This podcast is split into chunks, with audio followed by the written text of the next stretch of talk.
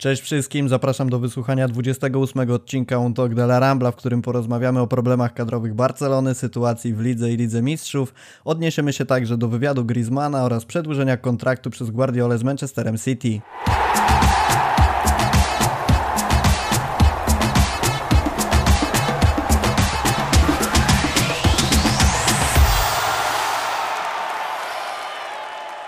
Wracamy do Was po krótkiej przerwie, w nieco odświeżonej odsłonie. Pożegnaliśmy nasze stare logo, a jeżeli słuchacie nas na YouTubie, to na specjalnie przygotowanej planszy zobaczycie od teraz fotki rozmówców. Może jest to niewielka zmiana, ale mamy nadzieję, że dzięki takim detalom i tak naprawdę bardzo drobnym kroczkom będziemy zmierzać ku dostarczaniu Wam jeszcze ciekawszych, jeszcze lepszych materiałów.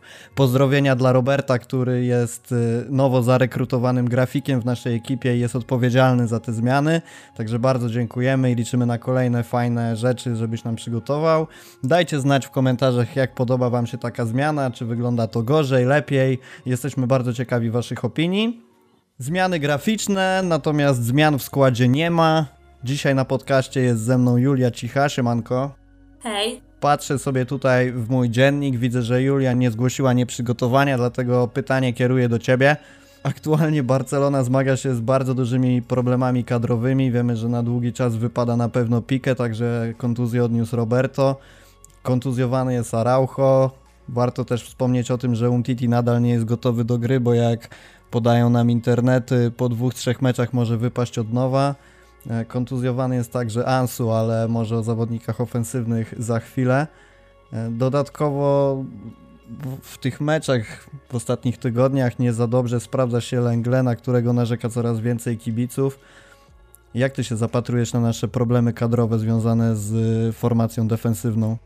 Wiesz, tak zainspirowana widokiem za moim oknem od godziny 15.30 każdego dnia, powiem tylko, że czarno to widzę, bo naprawdę dostaję trochę głupawki, ale no, w obronie no, sam fakt, że w meczu z Dynamem tak grał Mingesa, który no, poradził sobie nadspodziewanie dobrze, o czym świadczy bodajże potrojona czy czy poczworona, o ile istnieje takie słowo. Jego liczba mm, followersów na Instagramie, myślę, że to jest taki wyznacznik sukcesu XXI wieku. No ale grał w parze z Firpo przez 30 minut, co jest absurdalne, a wcześniej grał z Lengletem i e, tak naprawdę już tutaj lista e, naszych środkowych obrońców się kończy. No niby Araujo ma wrócić w bliżej nieokreślonej przyszłości, ale raczej w miarę szybko. Umtiti według Kumana dwa tygodnie, tylko że to są dwa tygodnie do powrotu do gry, a do powrotu do formy patrząc też na jego wartość na transfermarkcie, która spadła ostatnio do bodajże 12 milionów euro, no to ja nie wiem, czy my jeszcze doczekamy e, powrotu formy Umtitiego. No ale no chyba nie ma za bardzo wyjścia, no bo też e, sprowadzenie Rika Garcia w styczniu to są raczej marzenia ściętej głowy. A co sądzisz o tym, że na bardzo długie miesiące wypada ze składu Pique? Bo sądując trochę nastroje na La Rambli czy też na Twitterze, wiele osób pisało, że to może być koniec przygody Pique z Barceloną. Teraz Pojawiły się też takie newsy, że Pique nie chce się poddać operacji, tylko leczeniu zachowawczemu, co moim zdaniem również jest przejawem tego, że chce jak najszybciej wrócić na boisko, nawet jeżeli będzie się to wiązało z jakimś takim powiedzmy niewyleczeniem się do końca. W takim celu, żeby jeszcze te ostatnie miesiące gry w Barcelonie gdzieś złapać, bo podejrzewam, że jeżeli rzeczywiście sprawdziłby się ten czarny scenariusz i Pique wypadłby na 6 miesięcy, i jeżeli się nie mylę, te 6 miesięcy to jest moment do powrotu na boisko, czyli jeżeli do tego doliczymy jeszcze powrót do formy, a także kalendarz, czyli to, że gdzieś tam wracałby pewnie w okolicach, teraz mamy... Japońskiego tournée. No dokładnie to robi nam się bardzo nieciekawa sytuacja. Myślisz, że jeszcze zobaczymy go w dobrej formie w Barcelonie? Bo ja tutaj też pójdę trochę na przekór temu, co się często słyszy, że Pique jest słabym obrońcą, bo ja wcale tak nie uważam.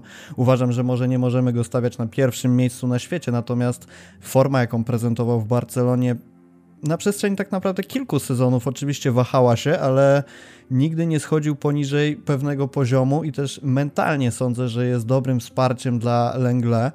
Na pewno nie takim, jakim był dla niego Pujol, to, to wiemy, ale Ja uważam, że wypadnięcie Pique na tak długi okres, jaki nam się szykuje, to jest katastrofalna wiadomość dla Kumana. No tak, na pewno to jest spory problem dla Barcelony, bo tak jak powiedziałeś, Piqué wcale nie jest takim złym piłkarzem, tak jak ostatnio Błażej popełnił artykuł przekonując wszystkich, a przynajmniej próbując przekonać, że Busquets mimo sporej liczby błędów i lawiny hejtu wciąż jest jednym z czołowych pomocników nie, nie tylko w Barcelonie, ale też w całej lidze. Także Piqué myślę, że to jest e, taki klasyczny przypadek, że doceniasz coś dopiero kiedy to stracisz, bo u niego teraz będzie dużo zależało od tego, jakie ma plany. Bo jeśli on planował i tak skończyć karierę, powiedzmy, za rok, no to raczej nie będzie się operował za wszelką cenę, będzie starał się wrócić jak najszybciej, no i dograć na tyle, na ile będzie w stanie. A jeśli on patrzy w perspektywie jeszcze powiedzmy 3-4 lat kariery, może nawet 5, no bo on aż taki stary nie jest, a jednak obrońcy grają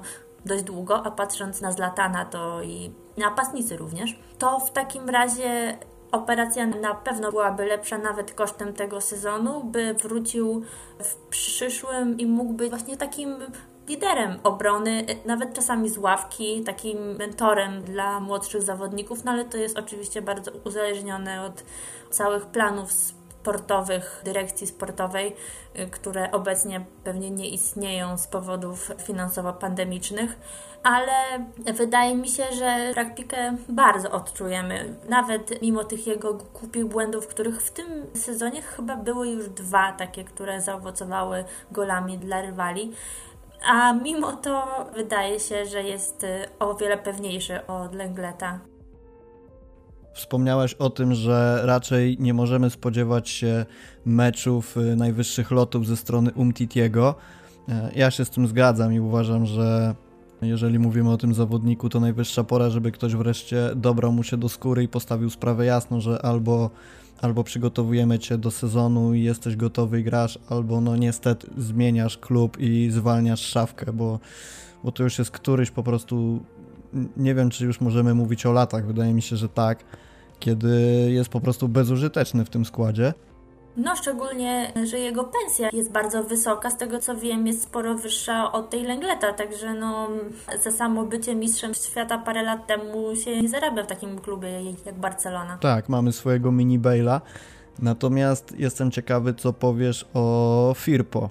Czy jest szansa, że jeszcze przyjdzie jego dobra wersja znana z Realu Betis, czy jednak jest to kolejny zawodnik do odstrzału? Czyli pytasz standardowo, czy Firpo pewnego dnia wstanie i coś mu w głowie przeskoczy? Tak, i to, i to tak bardzo mocno przeskoczy, patrząc na jego formę. No właśnie u niego to chyba nie jest kwestia samych umiejętności piłkarskich, tylko takiego całokształtu. I to mnie właśnie dziwi, bo czasami sprowadzając piłkarza nie przemyślisz tego, czy on jest w stanie się zaadaptować, czy będzie grał na swojej pozycji Patrick Griezmann, czy jego styl gry jest odpowiedni, czy umiejętności techniczne, czy tam y, warunki fizyczne, czy mentalność, cokolwiek. A w Firpo wydaje mi się, że problemem jest po trochu wszystko. To nie jest tak, że on ma jedną rzecz taką, która sprawia, że nie jest w stanie zaskoczyć i zacząć naprawdę prezentować dobry poziom, tylko właśnie, że on jest takim e, zawodnikiem o klasę niższym i tylko pytanie, czy czy prędzej Barcelona go sprzeda i pozyska kogoś na swoim poziomie, czy, czy poziom Barcelony tak spadnie, że dla Firpo będzie akurat. Także no ja, ja bym go jednak skreśliła, szczególnie, że, że Dest może spokojnie grać i, i z prawej, i z lewej strony, no a tu myślę, że zgodzisz się, że, że Dest jest takim jednym ze światełek w tunelu Barcelony teraz.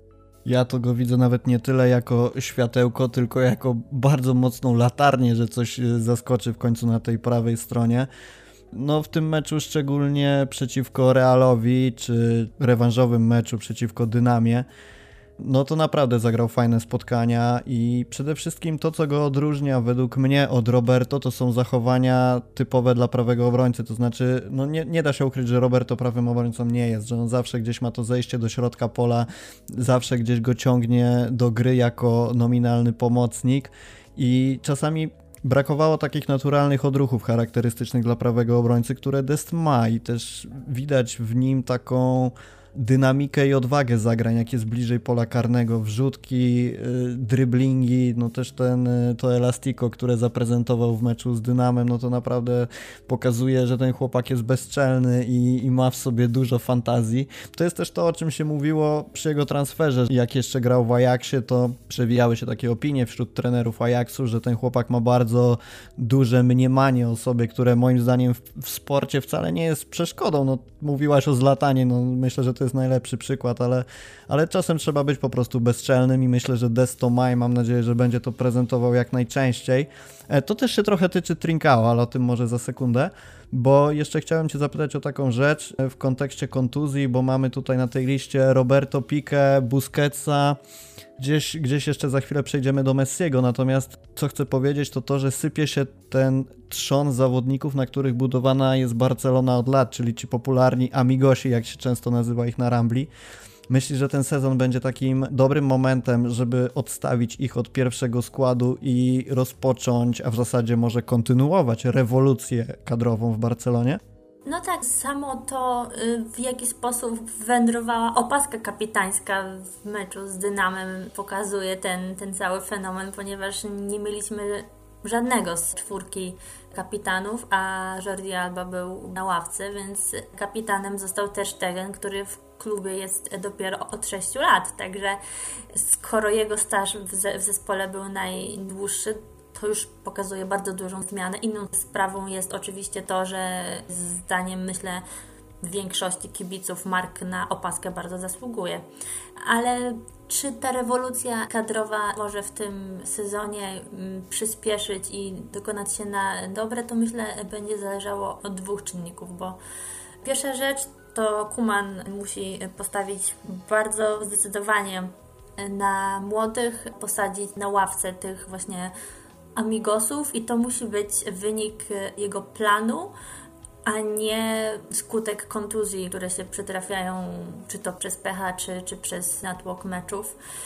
Bo jeśli to nie będzie świadoma decyzja trenera, to skończy się na tym, że ci e, zawodnicy wyzdrowieją i wrócą do składu po prostu, bo bo dalej będą mieli w hierarchii wyższe miejsce, nawet e, jeśli młodzi, którzy ich zastępują, będą spisywali się bardzo dobrze.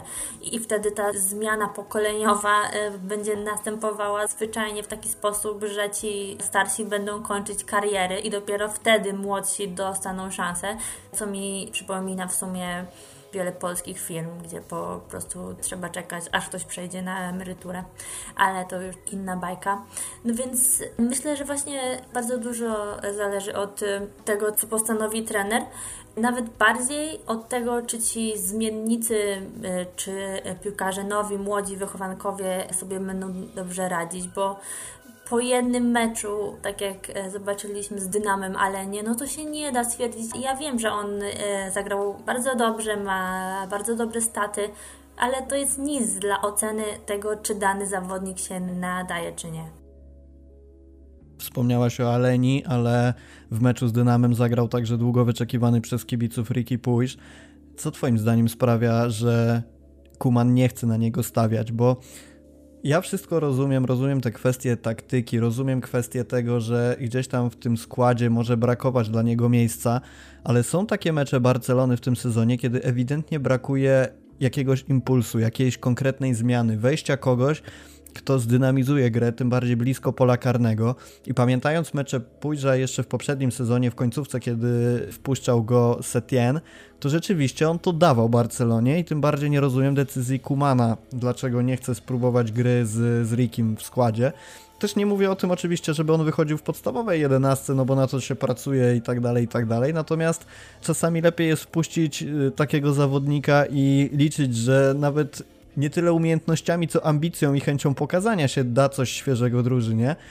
Natomiast to, co możemy zaobserwować, to ewidentna, wręcz bym powiedział, niechęć Kumana do Pójrza.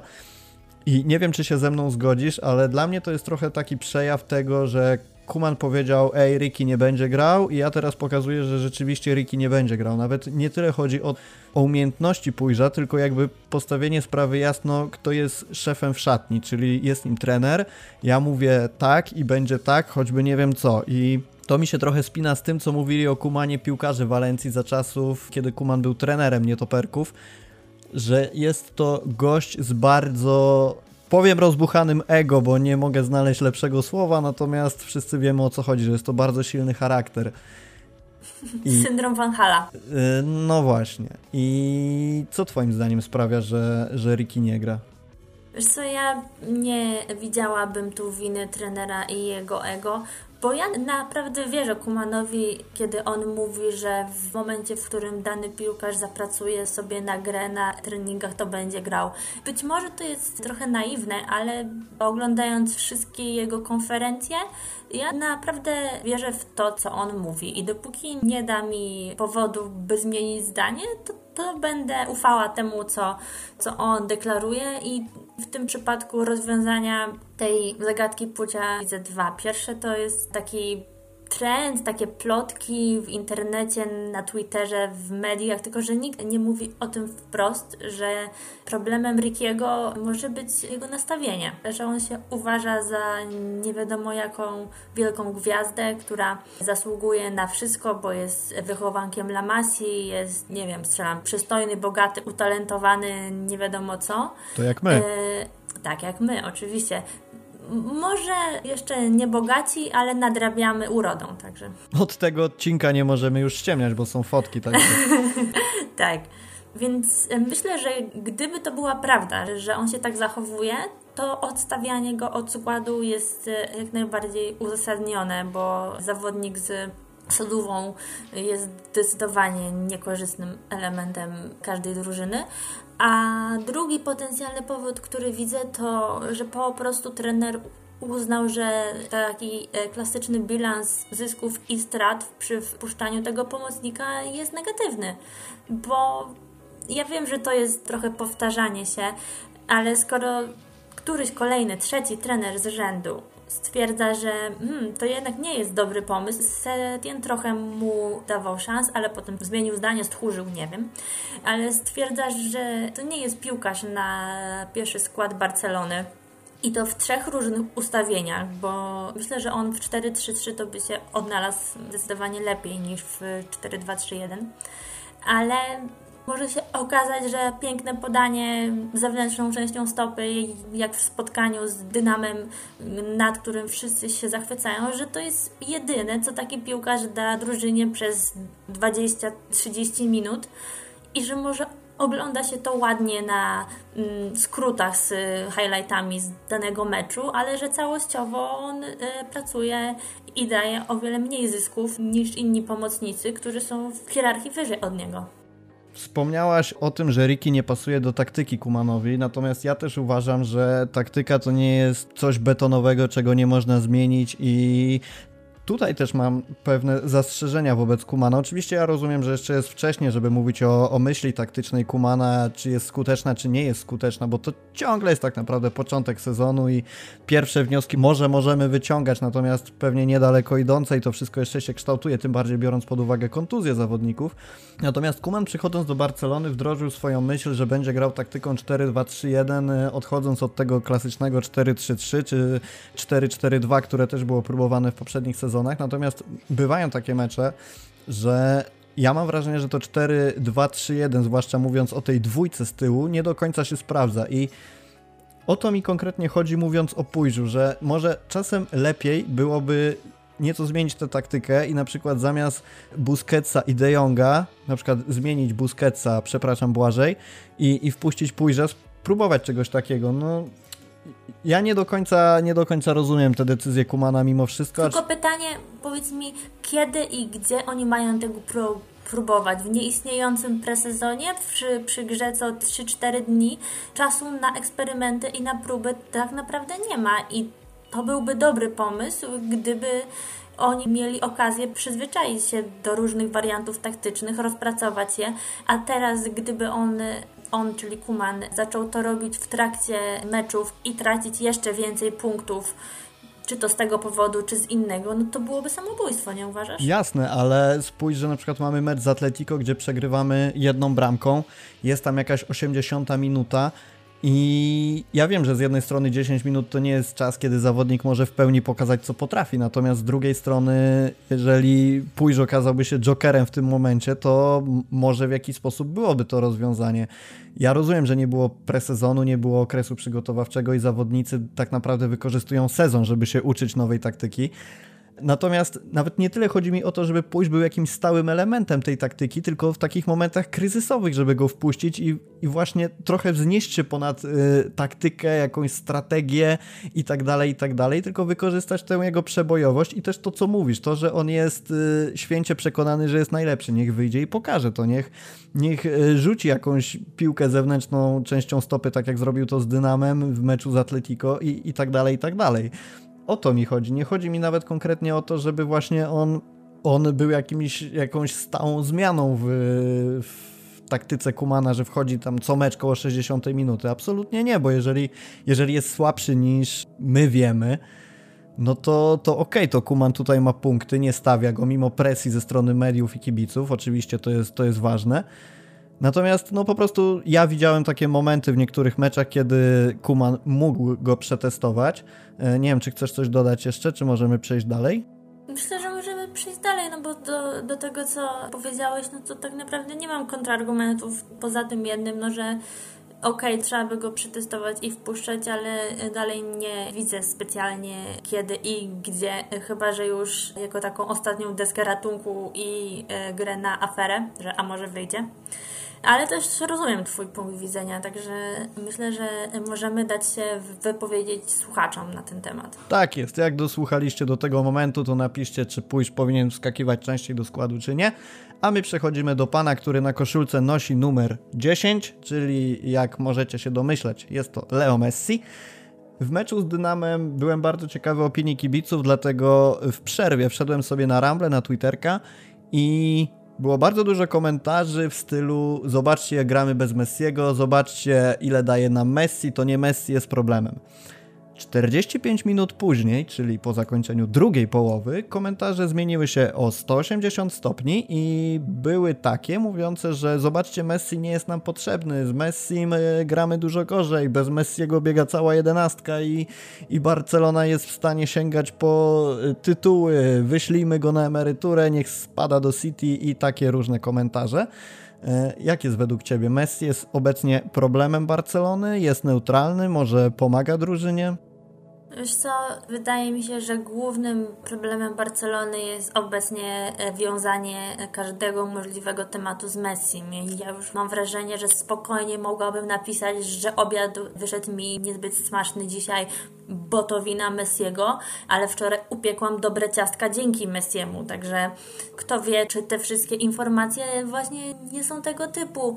I tak jak e, mówił Griezmann, o którym wspomnimy pewnie, e, żeby go zostawić w końcu w spokoju, to Messiego przede wszystkim i tym bardziej powinno się zostawić w spokoju, bo ja rozumiem wszystkie strony tej dyskusji i uważam, że pod wieloma względami Messi jest problemem Barcelony. Pod względem finansowym, pod względem tego, że jest idolem dla bardzo wielu piłkarzy, którzy mniej lub bardziej świadomie ustawiają pod niego grę i podają chociażby w momentach, w których absolutnie nie powinni tego robić. Jest problemem, bo jest, bo jest legendą, którą jest ciężko posadzić na ławce a już w ogóle ciężko jest go zdjąć z boiska. Ale z drugiej strony on wciąż czaruje, wciąż strzela, wciąż asystuje, wciąż układa grę i robi takie niesamowite rzeczy, o których nie śniło się filozofom. Także myślę, że to jest bardzo trudny moment dla Leo i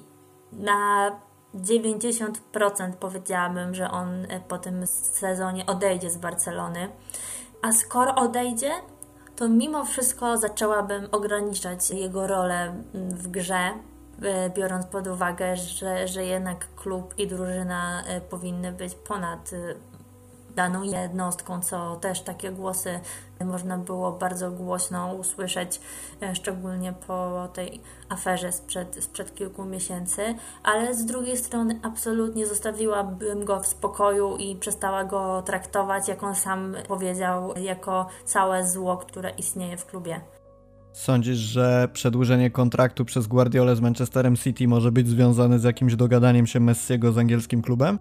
Myślę, że tak, bo Guardiola po swojemu mówi jak zwykle, że, no, że on jest e, kule od zawsze na zawsze, żeby chciał, żeby Messi zakończył karierę w Barcelonie. I zakładam, że to jest prawda, ale fakt, że Guardiola tego chce, to wcale nie oznacza, że Messi też tego chce. A jeśli Messi zdecyduje się z Barcelony odejść, no to dlaczego Guardiola miałby nie skorzystać na tym? I pytanie, czy City będzie na to stać? W sensie, czy wydatki na Messiego się, się im przekalkulują. Myślę, że w obecnym jego wieku tak, wciąż marketingowo Messi jest taką bombą, że absolutnie jest łakomym kąskiem i obejrzeć go pod wodzą Pepa to myślę, że byłoby najlepsze możliwe rozwiązanie obejmujące mm, opuszczenie przez niego Camp Nou. Ja z bólem serca stwierdzam, że niestety też tak to widzę, że Messi odejdzie po tym sezonie z Barcelony. Dlaczego mówię z bólem serca, to oczywiście wszyscy wiemy, bo jest to legenda klubu i po prostu dziwnie będzie mi się go oglądać w innej koszulce. Zawsze myślałem, że jak będzie opuszczał Camp Nou, to przeniesie się do Argentyny na jakąś emeryturę i kopanie w rodzinnych stronach. Natomiast Założymy specjalną sekcję na stronie o Manchesterze City. Tak, i napiszemy jakąś petycję. Te petycje internetowe zawsze mnie śmieszyły, więc może, może petycja do Messiego, żeby zaczął lepiej grać czy coś. No nieważne, taki przerywnik. E, w każdym razie Ciekawi mnie to, jak sprawdziłby się w lidze angielskiej na pewno i czy uciąłby te wszystkie plotki mówiące, że nie poradziłby sobie w, w tej...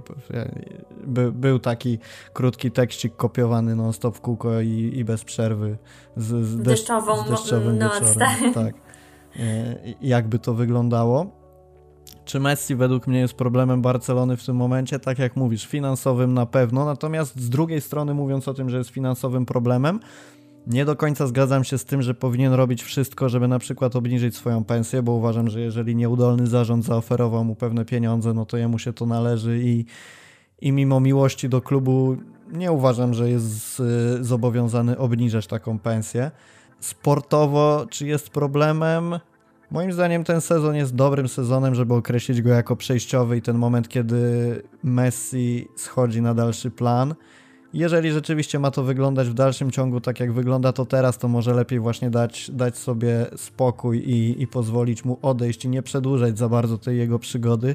Chociaż naprawdę mówię to z olbrzymim bólem serca i, i jeżeli miałbym decydować o tym, to gdzieś jest taka cząstka we mnie, która mówi, że lepiej, żeby Messi został i na przykład pełnił rolę rezerwowego. Natomiast jeżeli, jeżeli weźmiemy pod uwagę to, jaki on jest z charakteru i że wiecznie będzie chciał grać w pierwszym składzie, to trochę tego no nie widzę. nie stać na utrzymywanie takiego tak, tak. rezerwowego. Tak, dokładnie, dokładnie. Też biorąc to pod uwagę, no, musimy, musimy mieć cały czas na uwadze, że jest to bardzo specyficzny zawodnik pod, pod każdym względem, zarówno umiejętności, o czym wiemy, ale też charakteru czy, czy tych kwestii finansowych zastanawiasz się, czy City będzie stać na Messiego. Ja uważam, że jeżeli pojawi się cień szansy, a, a teraz ten cień jest olbrzymi, że Messi do City przejdzie, to oni zrobią absolutnie wszystko, żeby tylko go do siebie sprowadzić bez względu na wiek, bez względu na pensję i bez względu na to, czego sobie tam zażyczy, bo po prostu marketingowo wyjdzie im to na tak duży plus, że będą robili absolutnie wszystko. A przyszło Ci kiedyś do głowy, że wbrew pozorom łatwiej byłoby Messiemu zostać w Barcelonie na dłużej i nawet pełnić rolę zmiennika,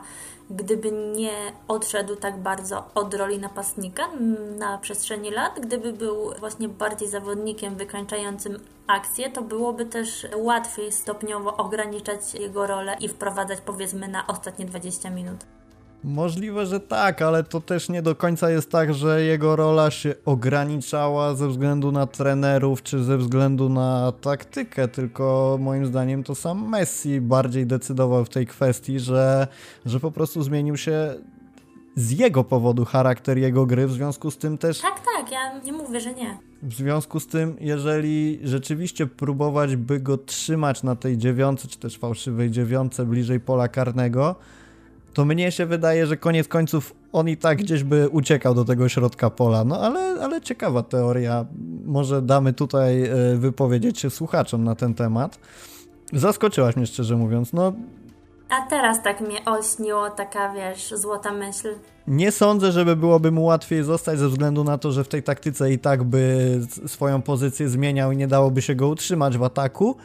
No ale jestem, jestem też ciekawy tego, co powiedzą słuchacze. Dobra, przechodzimy dalej, bo czas goni. Liga, 13 miejsce, 12 punktów straty do Realu Sociedad. W ogóle e, czołówka, czołówka ligi wygląda bardzo ciekawie, bo mamy tam Real Sociedad, Atletico Villarreal, Real Madrid, Cadiz i Granada, czyli drużyny, które być może ciężko podejrzewać o to, że znalazłyby się w czubie tabeli, zwłaszcza jeżeli patrzymy na to, że e, jest tam Cadiz, a Real w obliczu problemów Barcelony wcale nie jest pierwszy. Oczywiście Real Madrid. Natomiast znajdujemy się 4 punkty nad 18 Levante, czyli nad strefą spadkową, co jest y, równie dużym szokiem, biorąc pod uwagę to, jak wielkim klubem jest Barcelona. Oczywiście pamiętamy o tym, że, że Barca zaczęła sezon nieco później ze względu na swoją jakże udaną przygodę z Ligą Mistrzów i mamy dwa mecze zaległe. Natomiast w tym bardzo ważnym starciu z Atletico niestety przegrana.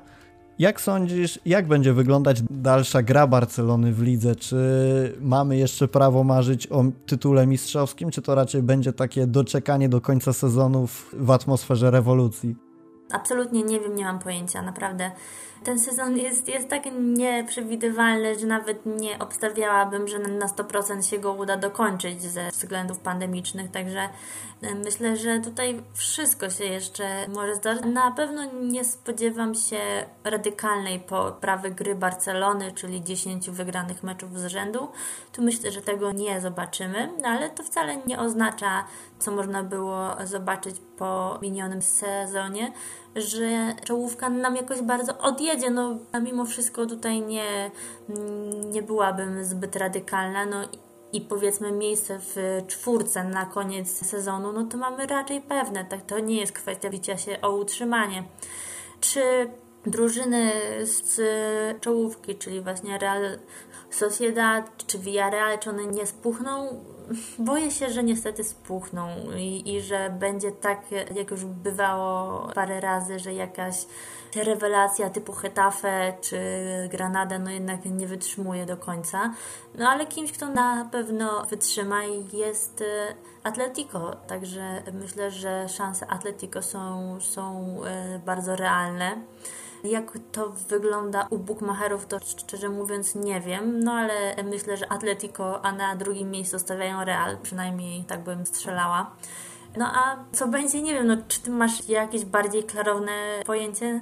Ja cię chciałem tylko zapytać o to, czy jeżeli szanse Atletico są realne, to czy szanse Realu są atletyczne? Są atletykalne? Nie, atletyczne. Atletyczne, dobra.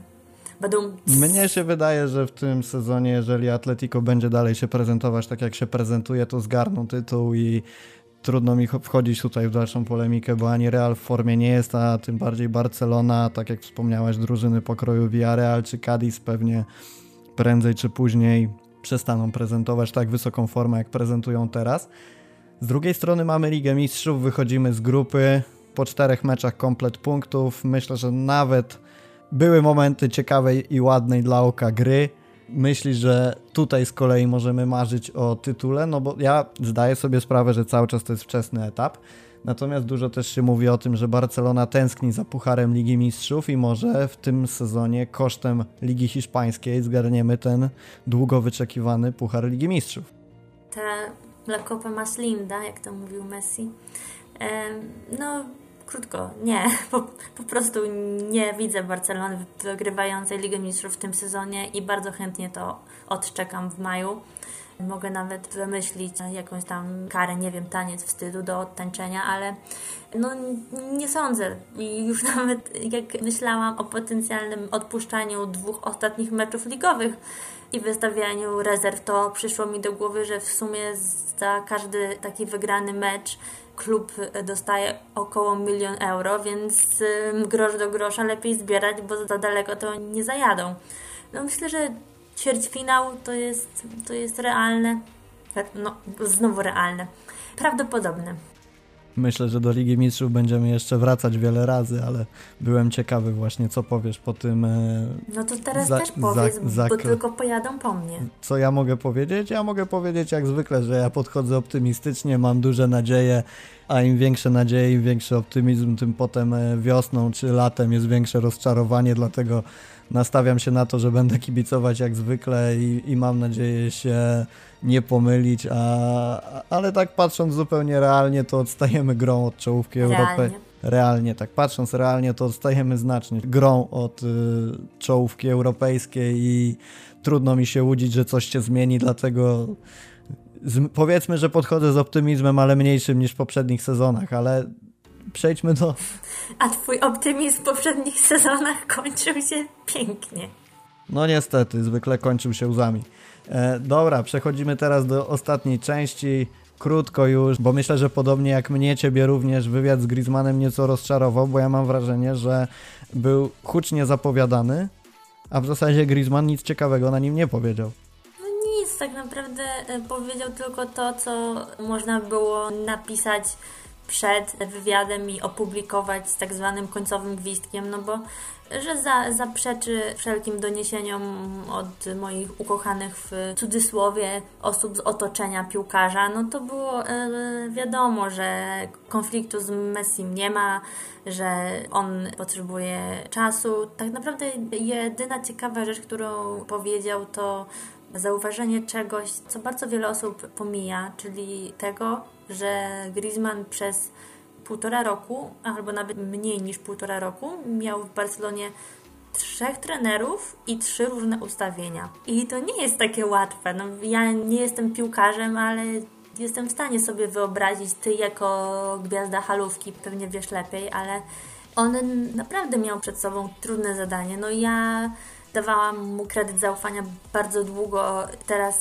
trochę się już podłamałam tą jego grą, ale Myślę, że trzeba by jednak przede wszystkim dać mu ten spokój, o który prosił. Ja z tego wywiadu najwięcej wyciągnąłem, tak patrząc na, na cały ten wywiad, nie odnosząc się do poszczególnych wypowiedzi, tylko patrząc właśnie całościowo, że Griezmann jest już po prostu bardzo zmęczony tym, co się dzieje wokół niego i to było ustawione po to, żeby żeby przekazać mediom, słuchajcie, mam dosyć, dajcie mi spokój, dajcie mi tak, grać. ja robię co mogę, ale ale pewnych rzeczy nie przeskoczymy i pisanie o mnie w nagłówkach dzień w dzień naprawdę niewiele pomaga, a, a na pewno przeszkadza. No wiesz, że kiedy piłkarz wstaje rano i patrzy do internetu czy gazetę i oddycha z ulgą, bo o, dzisiaj po mnie nie pojechali, no to na pewno nie działa korzystnie na niego. Ale z drugiej strony Griezmann mówi o przemawianiu na boisku a na boisku nie przemawia za dobrze, skoro jest nieskuteczny, nie gra dobrych meczów, nie wpisał się dobrze w całość tego swojego transferu, no bo, bo ja mogę śmiało stwierdzić w tym momencie, że to jest transfer kompletnie nieudany. Oczywiście możemy mówić o tym, że to nie jest jego wina, no bo nie jego pozycja, trenerzy, bla bla bla bla bla, to ja to wszystko rozumiem, tylko koniec końców dla mnie jako dla kibica liczy się to, że Griezmann dostaje piłkę na piątym metrze kilka razy i kopie obok bramki, albo znika na 45 minut i jest widoczny w momencie jak schodzi do szatni, więc z drugiej strony uważam, że krytykowanie go jest w pełni zasłużone. Inna sprawa, jeżeli zarzuca mu się jakieś konflikty z Messim, bo to jest głupota totalna i, i trzeba to negować i powiedzieć jasno, że że, że, że tyle plotek, ile wychodzi dookoła Messiego i Griezmana, to jest coś niesamowitego i, i trzeba się zdecydowanie odcinać i filtrować te informacje. Natomiast no ja mam nadzieję, że Griezmann poprawi tę swoją grę, skoro już jest w Barcelonie i da powód dziennikarzom do tego, żeby, żeby go chwalili, a nie negowali ciągle to, co robi na boisku. Amen. Amen. Kończymy, słuchajcie, mam tu na zegarze 45 minut. Y, jak y, WPW nam wytnie nasze pomyłki i bzdury, które mówiliśmy w trakcie, to wyjdzie... To zostanie 15. To zostanie około 15. Słuchajcie, dajcie znać, tak jak już mówiłem na początku, jak Wam się podobają nasze zmiany graficzne. Dajcie znać, czy podobał Wam się dzisiejszy podcast. Pamiętajcie, że za każdą subskrypcję będziemy bardzo, bardzo wdzięczni, za każdą łapkę w górę również. Jeżeli znacie jakiegoś gagatka, który jeszcze nie słyszał naszego podcastu, to koniecznie podeślijcie mu link, żeby nie było mu smutno. E, żegnamy się z Wami. Była ze mną Julia Cicha. Hej, dzięki. a podcast prowadziłem ja, Rafał Kowalczyk. Dzięki i do usłyszenia w kolejnym odcinku. Na razie.